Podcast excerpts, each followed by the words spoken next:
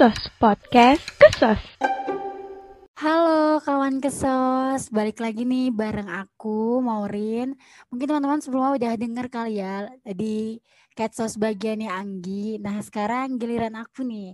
Jadi pada Ketsos kali ini nih aku nggak sendirian nih teman-teman. Aku bareng Zeni. Halo Kak Zeni. Hai Maurin, hai teman-teman Kasos. Halo, gimana kabarnya nih Zen? Alhamdulillah sehat walafiat. Maurin gimana kabarnya Rin? Alhamdulillah sehat juga. Tetap semangat ya Zen ya walaupun PPKM. Iya, aduh Covid ya. iya ya. Sekarang sibuk apa aja nih? Apa apa aja nih Zen selama liburan ini? Selama liburan ini sih kalau gue uh, magang, tapi alhamdulillah baru selesai. Um, selain itu ngebem di BEM Visip UI, kebetulan gue jadi uh, wakadep Kastrat dan belakangan lagi rame juga ya isu di kampus terkait rektor dan statuta gitu. Uh, ya gitu-gitu aja sih. Kuliah juga lagi libur kan ya, jadi lumayan lumayan lowong lah. Gitu. Alhamdulillah bisa buat istirahatnya Zen ya waktu lowongnya. Betul sekali istirahat itu penting Pak. betul betul istirahat itu bagian dari sebuah, sebuah produktivitas sebenarnya Zen ya. Iya betul. Sip, sip. Bahas tentang isu nih Zen apa ya kalau kita sendiri gitu ya selama kuliah gitu selama akhir-akhir ini kayak isu tuh nggak berhenti. Hmm betul banget sih. Uh, mungkin karena apa ya sebelum pandemi kita udah punya banyak masalah nih tentang kondisi sosial politik di tingkat nasional gitu. Ditambah adanya pandemi jadi diperparah gitu kali ya. Mm, bener banget Zen. Uh, jadi ini Zen tetap sibuk mengawal isu ya Zen? Aduh. Gue uh, nemenin lah gue nemenin Kastrat nemenin lah ya nemenin hmm.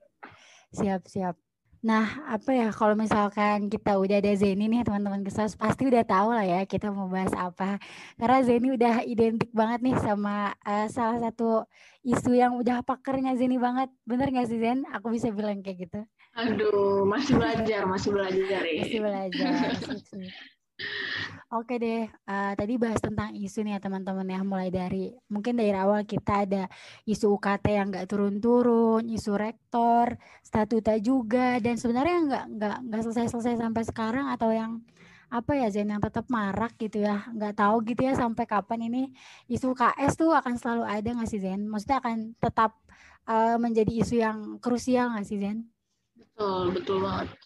Iya, uh, aside dari berbagai isu yang kampus lagi hadapi gitu ya, apalagi di uh, perpindahan semester nih biasanya tentang biaya pendidikan, terus uh, keringanan BP segala macam, terus lagi kemarin di UI lagi rame nih soal rektornya yang rangkap jabatan, terus kemudian statuta sebagai peraturan dasar di UI direvisi gitu.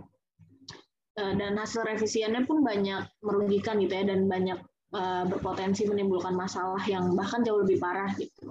Makanya lagi uh, lagi timbul lah gerakannya di kampus gitu. Tapi uh, ada juga nih satu masalah tentang kekerasan seksual yang sebenarnya udah dari lama banget ya terjadi apalagi uh, rame gitu di UI um, kalau kita throwback sih kayaknya uh, ini yang aku yang gue tahu ya yang gue tahu ramenya itu kalau kasus di UI yang uh, ini ya korbannya dari FIB UI sekitar 2013 atau 2014 ya gue lupa.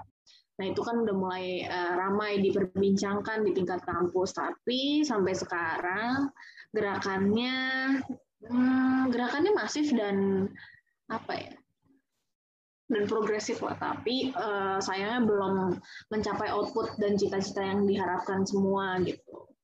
Makanya isu kekerasan seksual dalam kampus masih sampai sekarang masih menjadi hal yang relevan dan emang harus terus-terusan dibangun ya oleh kampus. Dan menurut gue inisiatif HMIKS untuk mengangkat isu ini adalah isu yang sangat uh, apa upaya yang sangat baik gitu dan harus kita apresiasi bersama gitu. Karena memang uh, masalahnya belum terselesaikan sama sekali gitu.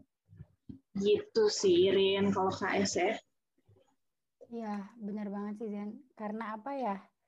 Uh, karena memang nggak penyelesaiannya tuh mungkin belum konkret juga kali ya Zen ya dari pihak kampus, dari pihak fakultas gitu ya.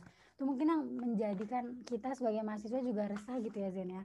Kalau misalkan kitanya juga berhenti bergerak gitu, siapa lagi ya Zen yang mau mau gerakin gitu. Benar banget, setuju. Um, setuju banget sama Maureen bilang tadi ya, kalau bukan mahasiswanya yang gerak, siapa lagi gitu. Benar. Apalagi uh, kalau nggak salah nggak cuma nggak cuma FIB ya Zen ya? Uh, baru-baru yang kemarin selama pandemi juga pernah ada ya Zen ya? Uh, teman-teman maksudnya pelaku dari FISIP ya? Ya betul. Uh, kalau ngelihat track recordnya gitu ya FISIP ini menurut gue salah satu fakultas yang paling rame nih bukan dalam artian paling banyak pelaku muncul itu dari fisip semua ya, tapi ada satu fenomena nih ketika kita ngomongin kekerasan seksual yaitu tip of iceberg. Jadi kasus-kasus yang muncul uh, tentang kekerasan seksual itu adalah kasus yang sedikit banget sebenarnya karena tingkat pelaporan kasus uh, kita tahu nih ada tindak kekerasan seksual tuh masih sangat tenggelam di bawah di bawah permukaan laut gitu. Kita bahkan nggak lihat itu sama sekali. Tapi kebetulan yang muncul dan yang korbannya speak up yang uh, jadi bahasan kita sama teman-teman di peer group itu adalah ya emang kasus yang ketahuan secara publik gitu. Jadi um, ini jadi apa ya polemik juga sih menurut gue uh, dengan banyaknya pelaku yang hadir nih di visip tapi ternyata kalau gue lihat FISIP juga cukup progresif dibandingkan fakultas-fakultas lain terkait kesadaran tentang kekerasan seksualnya, terus upaya-upaya melalui uh, advokasi regulasi, pendampingan korban dan lain-lain, FISIP juga selangkah uh, lebih depan lah dibandingkan fakultas lain yang belum punya uh, tim penanganannya segala macam gitu. Gitu sih. Oh ya, benar-benar uh, sepakat banget sih ya Zen karena masih menjadi concern bersama juga gitu. Uh, apalagi di FISIP ini tadi benar kata Zini bilang ya, belum tentu semua orang tuh berani untuk melaporkan itu gitu ya. Dan mungkin uh, bisa jadi terjadi di teman-teman kesos ya Zen ya. Jangan sampai sih ya amit-amit, tapi kan kita nggak ada yang tahu ya Zen kalau misalkan memang ada teman-teman kesos sendiri yang nggak uh, berani lapor kayak gitu. Dan tadi Zeni juga mention gitu ya uh, bahwa HMKS tuh lumayan uh, cukup uh, progresif juga karena sudah mengupayakan gitu untuk penanganan KS ini gitu ya. Memang uh, teman-teman kesos juga nih kalau teman-teman kesos belum tahu bahwa HMKS sekarang mulai menggerakkan lagi nih teman-teman yang namanya casual fair. Jadi casual fair itu adalah uh, program dari HMKS gitu ya untuk penanganan KS gitu. Nah, jadi untuk teman-teman yang mungkin ada kasus gitu uh, tentang KS itu sendiri, teman-teman bisa melaporkan ke Casual Fair gitu. Sebenarnya kalau untuk Casual Fair sendiri juga masih merintis sih, merintis ya Zen ya, masih perlu belajar banyak gitu dan uh, nah mungkin nanti bisa dikembangin bareng Zeni juga kali ya Zen Casual Fair ini. Sabi banget, Sabi. Sip, sip, benar. Nah, ini Zen, uh, kita masuk lagi nih ke bahasan KS-nya gitu ya. Aku sebenarnya penasaran sih Zen, uh, apa sih gitu awal, ini lebih ke personal kamu sih. Apa sih awalnya yang bikin kamu tuh menjadi uh, concern gitu sama isu ini? Apakah kamu melihat uh, teman kamu, teman dekat kamu yang jadi korban atau apa sih Zen? Keresahan awalnya sampai sampai sekarang gitu ya Zen yang Zen yang kita kenal tetap tetap stay gitu di concern uh, tentang KS gitu. Berarti ini cerita personal nih ya. Iya, boleh yang boleh dibagikan aja Zen. Oke, nah kalau personal sih eh, kasus kekerasan seksual sebenarnya cukup dekat ya dengan gue. Uh, cuman gue nggak bersedia untuk ceritain itu secara publik, jadi uh, anggaplah ada uh, kedekatan secara personal gue dengan kasus kekerasan seksual ini. Tapi uh, waktu itu untuk menyadari bahwa kasus ini dekat dengan gue pun nggak nggak nggak tahu gitu. Oh ternyata ini kekerasan seksual gitu. Uh, gue waktu itu bahkan nggak tahu kalau apa yang dialami ini bisa disebut kekerasan seksual gitu. Kemudian gue uh, baca-baca lah ya belajar menemukan kalau itu kekerasan seksual terus uh, saat ini keadaannya gimana di Indonesia gitu Terus gue ikut satu komunitas nih. Karena dari banyak belajar mau baca segala macam searching searching gitu ya. Kan sekarang internet dan media sosial emang jadi gerbang pembuka kita lah terhadap pengetahuan dan akses lainnya gitu. Uh, ada satu komunitas di Serang gue kan orang Serang ya. Ada namanya Women Smart Serang itu jaringan dari Women Smart Indonesia yang mana merupakan jaringan global juga Women Smart itu jadi gue ikut komunitasnya dan karena ada lingkarannya nih jadi ada yang support gitu. Ada yang ngedorong untuk terus belajar nih dari kekerasan seksual. Ternyata ada kaitannya dengan gender ada kaitannya dengan feminisme segala macam bla bla bla. Itu akhirnya belajar tuh terus. Sampai sekarang gue masih aktif di sana gitu. Jadi uh, awal mulanya memang ada pengalaman yang personal yang dekat gitu dengan kekerasan seksual. Terus mencari tahu dan uh, gue bersyukur sih dapet akses ke komunitas yang suportif dan uh, mendorong terus untuk gue belajar gitu. Apa pun itu mau minjemin buku mau uh, ngadain diskusi segala macam dengan sangat mudah dan terbuka gitu. Itu gue dari situ sebenarnya yang bikin sampai sekarang masih apa ya mungkin masih memperhatikan isu kekerasan seksual gitu. Nah setelah masuk kampus uh, dihadapkan dengan setting yang lebih spesifik lagi gitu, yang tadinya cuma nasional, eh nggak cuma ya, yang tadinya fokusnya ke setting nasional gitu, uh, sekarang jadi fokus ke setting kampus karena ya gue berada di kampus sekarang nih gitu. Tantangannya ada yang beda lagi, keadaannya beda lagi gitu uh, terus um, apa ya ada di tempat yang benar aja gitu di uh, gabung di Kastratdem yang waktu itu ada bawa isu kekerasan seksual juga gitu jadi uh, kebawa terus gitu sih ada uh, intinya sih kalau dari gue ada pengalaman pribadi terus mau cari tahu mau um, belajar ketemu dengan orang-orang dalam satu lingkaran yang suportif untuk terus dan dorong gue terus untuk belajar gitu ya. Jadi sampai sekarang untuk masih gitu, masih konsisten.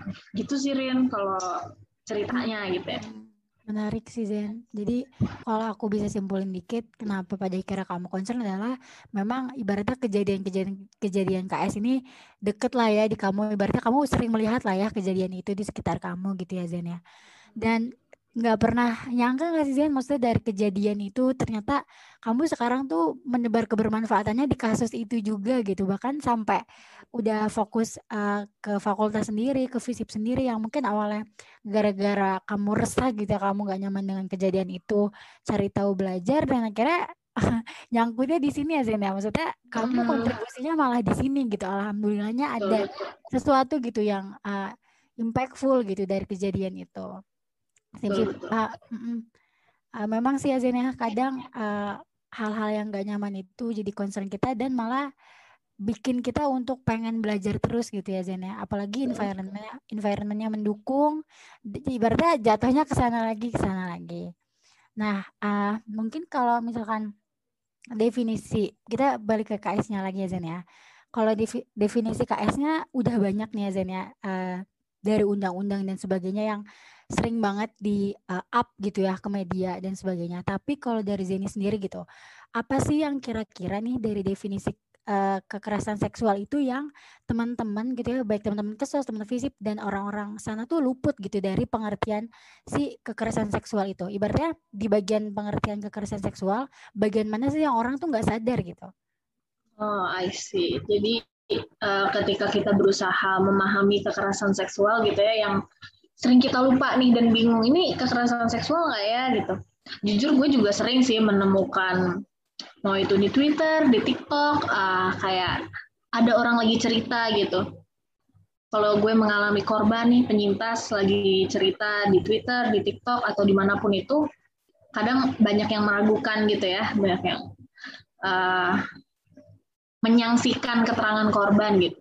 Tapi untuk memahami kekerasan seksual sebenarnya bukannya sulit, tapi kita nggak terbiasa kalau menurut gue ya, karena uh, kita dari lahir sampai tumbuh besar sekarang gitu uh, banyak nilai-nilai yang diinternalisasi melalui sosialisasi uh, mau itu di institusi formal, mau itu di institusi keluarga, yang ngajarin kalau uh, perempuan memang sering kali nggak dianggap genah-genah tuh?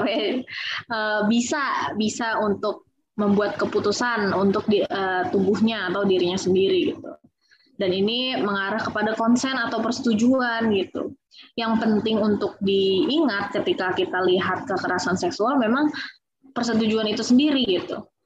Uh, let's say dalam sebuah uh, kejadian kekerasan seksual begal payudara misalnya.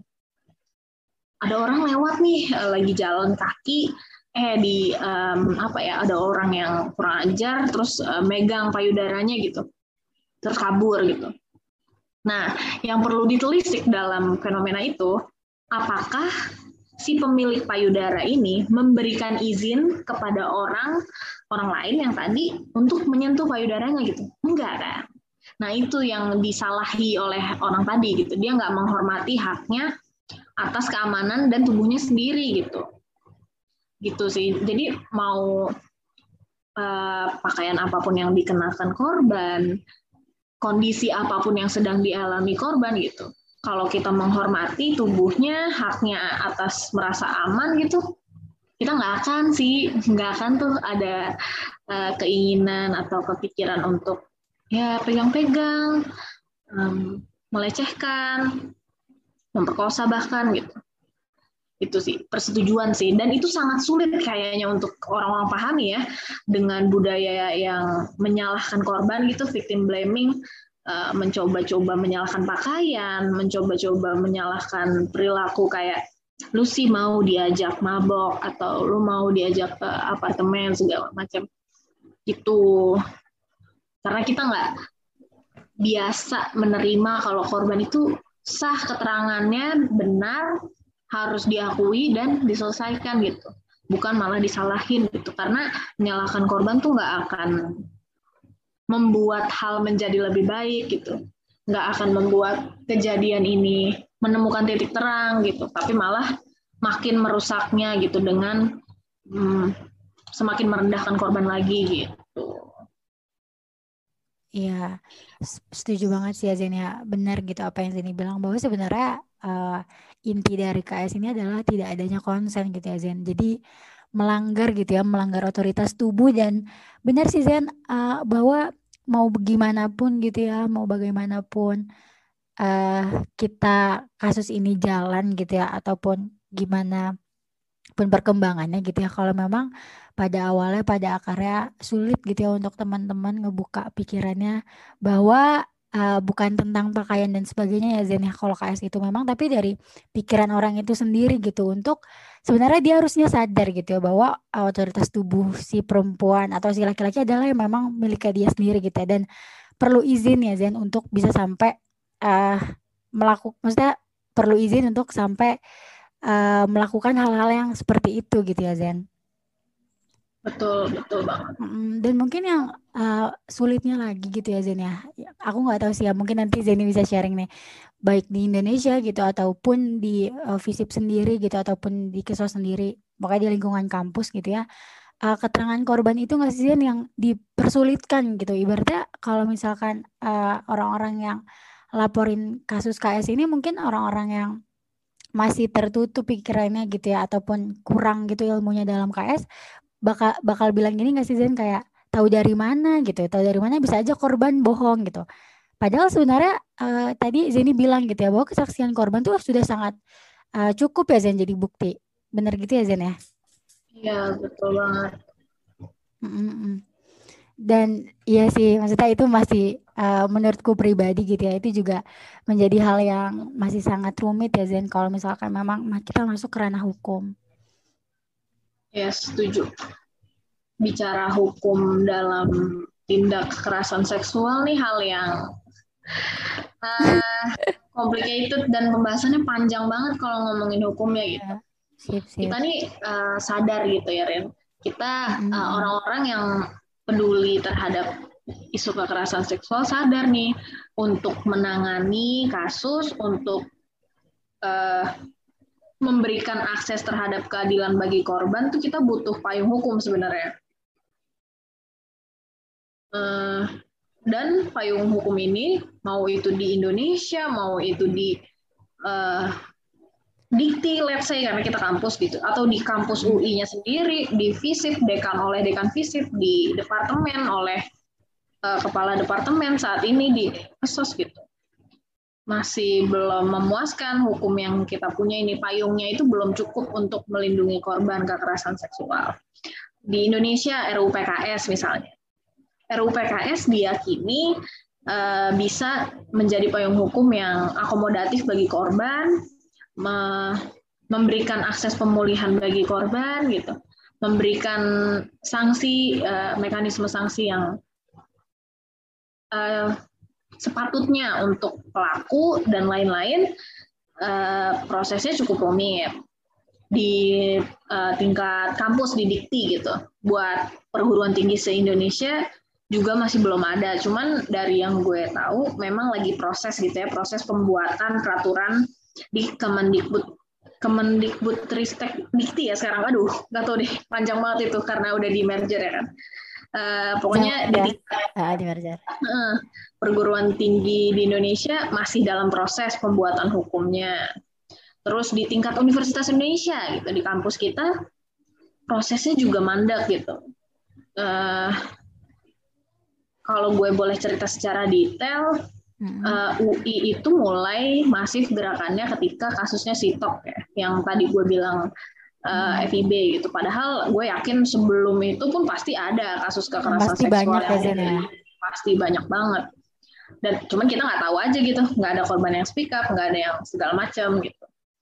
Di uh, di UI itu udah ada yang namanya buku SOP penanganan kekerasan seksual yang ditulis oleh Mbak Yayas dari FIB, dosen filsafat, dan Mbak Inge dari FH.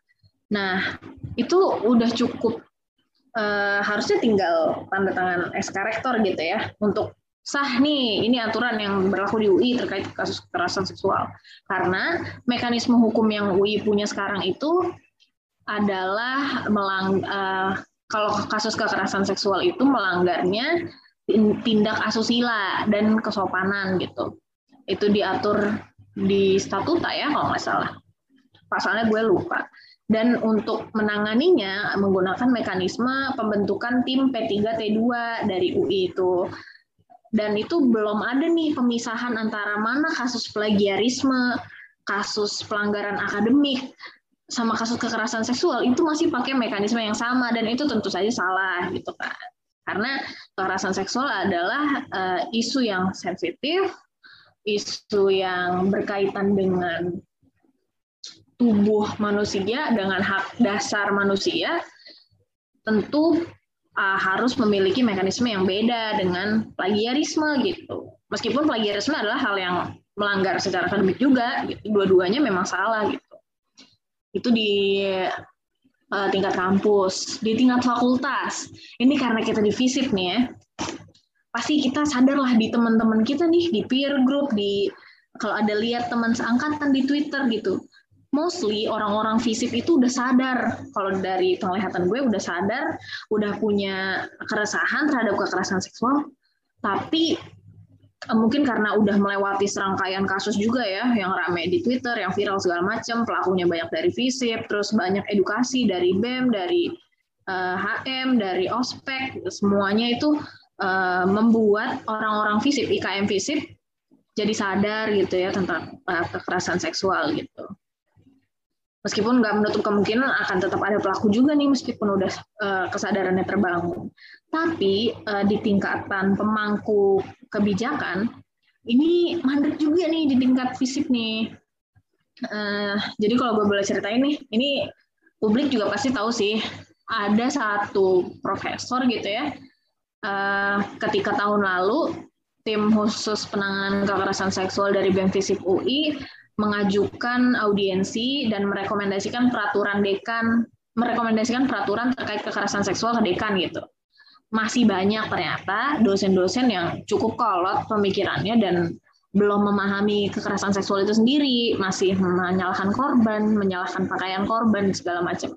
Meskipun saat itu di counter juga oleh dosen-dosen yang udah paham gitu kalau pakaian nggak pernah jadi salahnya korban segala macam itu pernah terjadi di gitu dan sampai sekarang uh, kalau di tahun ini ya setahu gue ada upaya dari uh, senat akademik fakultas yang membentuk membentuk pansus khusus untuk membentuk uh, norma aduh kenapa belat belat belit nih? Intinya ada upaya dari senat akademik fakultas membentuk panitia khusus uh, norma kekerasan seksual di tingkat fisik gitu. Jadi supaya peraturan tentang penanganan, pencegahan segala macam di apa kekerasan seksual di FISIP, kita butuh dasarnya dulu nih kayak lu bikin Indonesia, Indonesia harus ada UUD 45-nya dulu gitu. Gitulah untuk bikin norma itu.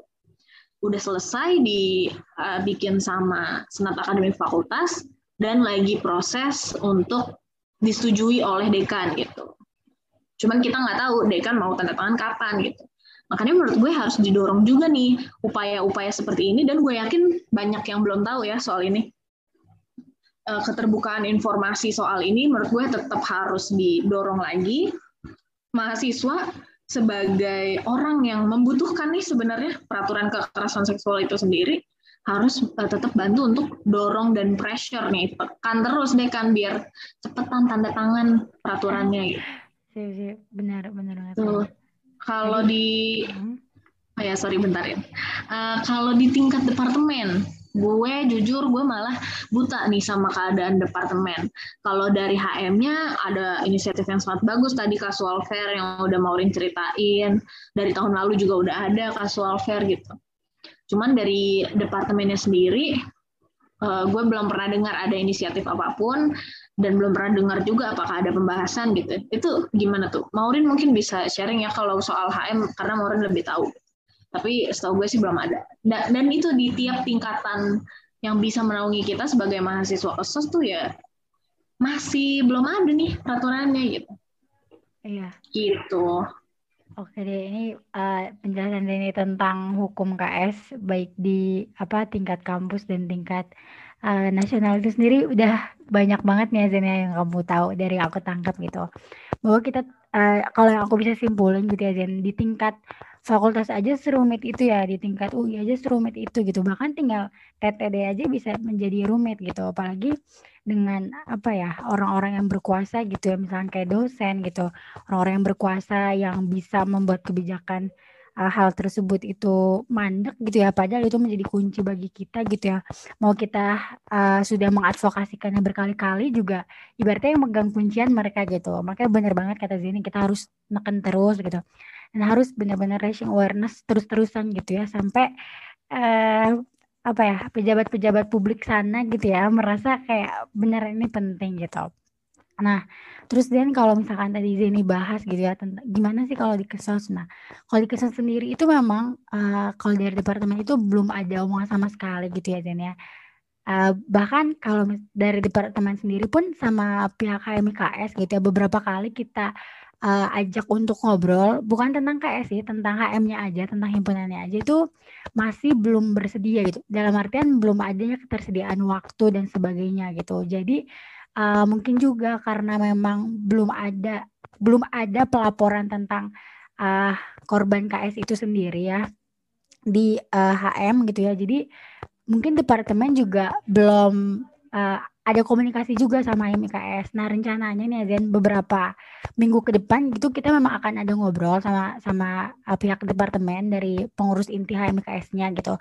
Dan casual fair ini akan kita sampaikan gitu. Tapi kalau memang fokus departemen untuk KS ke kesos tuh belum ada, belum pernah menjadi omongan. Makanya yang bisa kita upayakan pertama adalah lewat casual fair.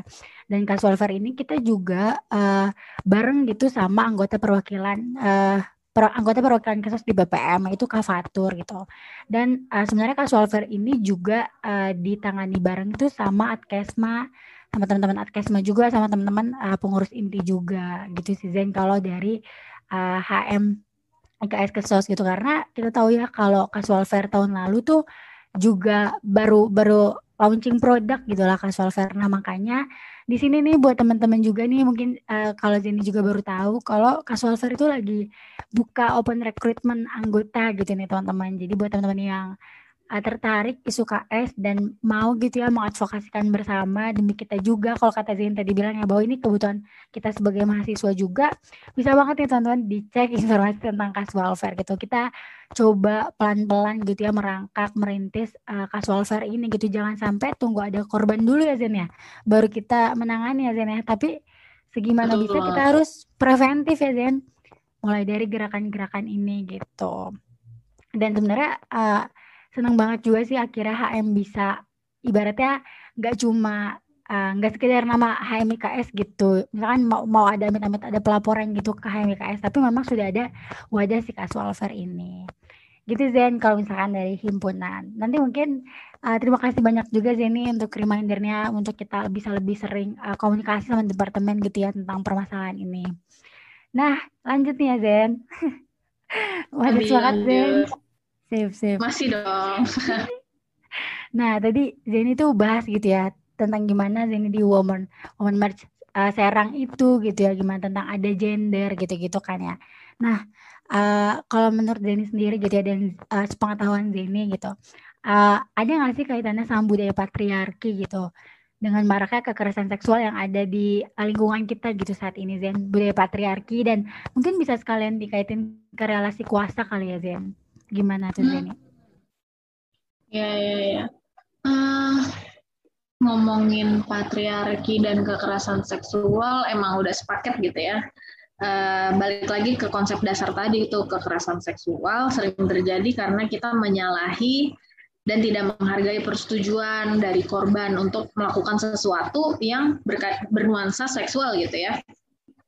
Nah, anggapan untuk nggak memberikan izin, nggak memerlukan izin tuh mostly dan emang kenyataannya korban kekerasan seksual kebanyakan perempuan. Meskipun nggak menutup kemungkinan laki-laki juga bisa jadi korban gitu ya. Tapi yang lebih banyak memang adalah perempuan yang mengalami gitu. Uh, coba deh teman-teman pernah nggak dengar uh, istilah kayak gini?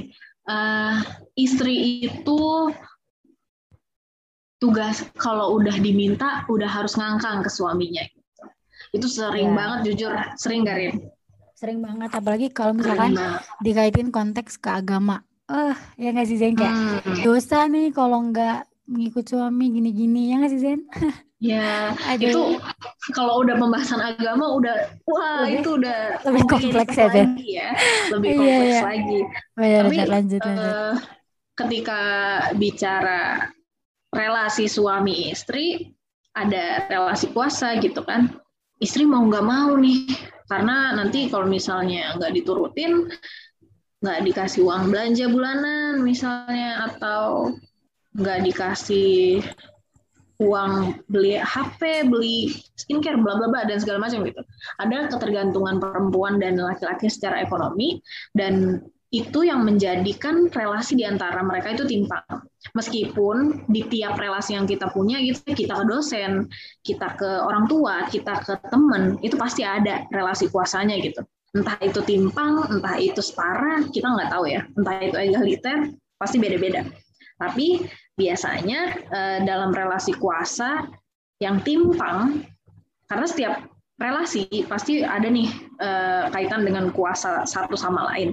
Tapi ketika relasi kuasa itu timpang dan satu di antara pihak itu tidak mampu mengatakan tidak karena nggak enak, aduh gue tuh harus menghormati dia, gue harus menuruti apa perkataannya gitu, padahal gue nggak mau gitu.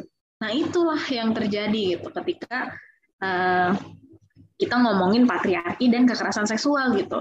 Ada pihak-pihak yang nggak mampu mengatakan enggak karena ya tadi ada ketergantungan segala macam gitu. Dan biasanya memang di keadaan masyarakat yang sekarang ya perempuan gitu. Perempuan pada kenyataannya memang nggak semua. Gue sadar ketika bicara-bicara hal-hal seperti ini tuh ya nggak semua perempuan kayak gitu nggak semua laki-laki kayak gitu. Memang nggak semua gitu. Kalau mau dibilang semuanya ya general, general, generalisir dan ya susah juga gitu ya. Tapi mostly kebanyakan memang itu perempuan. Eh, dan apa ya? Hmm, ini juga jadi salah satu hal yang dilestarikan, lestarikan nama gue dong, diturun temurunkan diajarin lah apa ke anaknya gitu. Anak nanti kalau kamu jadi istri kalau kamu ke suami bla bla bla diajarin lagi ke cucunya. Terus terusan begitu se uh, sampai ke generasi keberapa akhirnya ya, ya, ya, itu nilai yang dipercaya oleh masyarakat kan gitu. Hmm, iya begitulah. Terus-terusan menjadi gender cause dua perempuannya gitu. Jadi ya, ya sulit gitu, timpang terus nih relasi kuasanya dimanfaatin terus nih secara seksual gitu. Gitu Rian. Pasti ada sih kaitannya. Bahkan Zeni dari penjelasan Zeni dari penjelasan Zeni tadi itu memperlihatkan gitu bahwa budaya patriarki dan relasi kuasa yang timpang gitu ya yang berhubungan dengan KS ini tuh bisa dimulai dari circle terdekat gitu ya. Dari uh, lingkungan terdekat kita gitu bahkan di keluarga kita sendiri gitu ya Zen ya dan bah benar kata Zeni gitu bahwa keluarga kan menanamkan nilai yang memang pasti nilai dari keluarga itu sangat-sangat kuat gitu ya. Dan sulit untuk merubah itu ya Zen ya kalau memang udah dari keluarga. Dan makanya teman-teman kita tahu gitu bahwa uh, dari lingkungan terdekat aja udah ada budaya patriarki dan uh, ketimpangan relasi kuasa itu gitu. Jadi memang ini menjadi hal yang sangat kompleks gitu. Dan mungkin juga kalau misalnya tadi sini bahas relasi uh, suami istri gitu ya Zen bisa juga gitu ya berdalih dengan suaminya kepala keluarga lah kayak gitu ya Zen jadi banyak pembenaran pembenaran yang mungkin nggak nggak logis dan masuk akal ya Zen jadinya. Hmm. benar-benar apalagi buat uh, yang tadi Jenny bilang mostly kebanyakan korbannya perempuan gitu ya.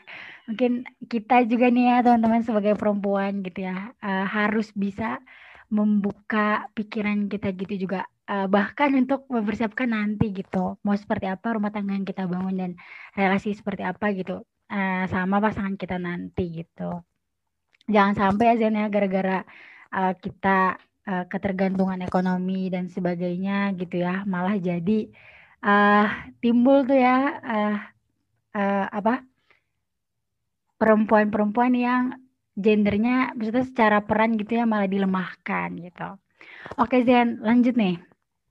Terus uh, kita mungkin karena udah banyak banget ngobrol nih Zen, aku ada dua pertanyaan nih. Pertanyaan yang pertama sebelum pernyataan pernyataan pertanyaan penutup, uh, ada nggak sih Zen gitu inisiatif sederhana gitu yang bisa teman-teman luar sana lakukan gitu untuk mencegah kekerasan seksual gitu? Inisiatif paling sederhana yang bisa dilakukan oleh kita secara personal adalah ngobrol sebenarnya. Coba angkat obrolan tentang kekerasan seksual, mau itu ke ibu, kalau di rumah misalnya lebih dekat dengan ibu, coba ngobrol ke ibu, ke kakak, ke adik, atau ke peer peer group kuliah atau ke teman segala menongkrong segala macam. Itu sebenarnya yang paling sederhana dan yang paling bisa dilakukan. Kita ngobrol sehari-hari pasti kita ngobrol.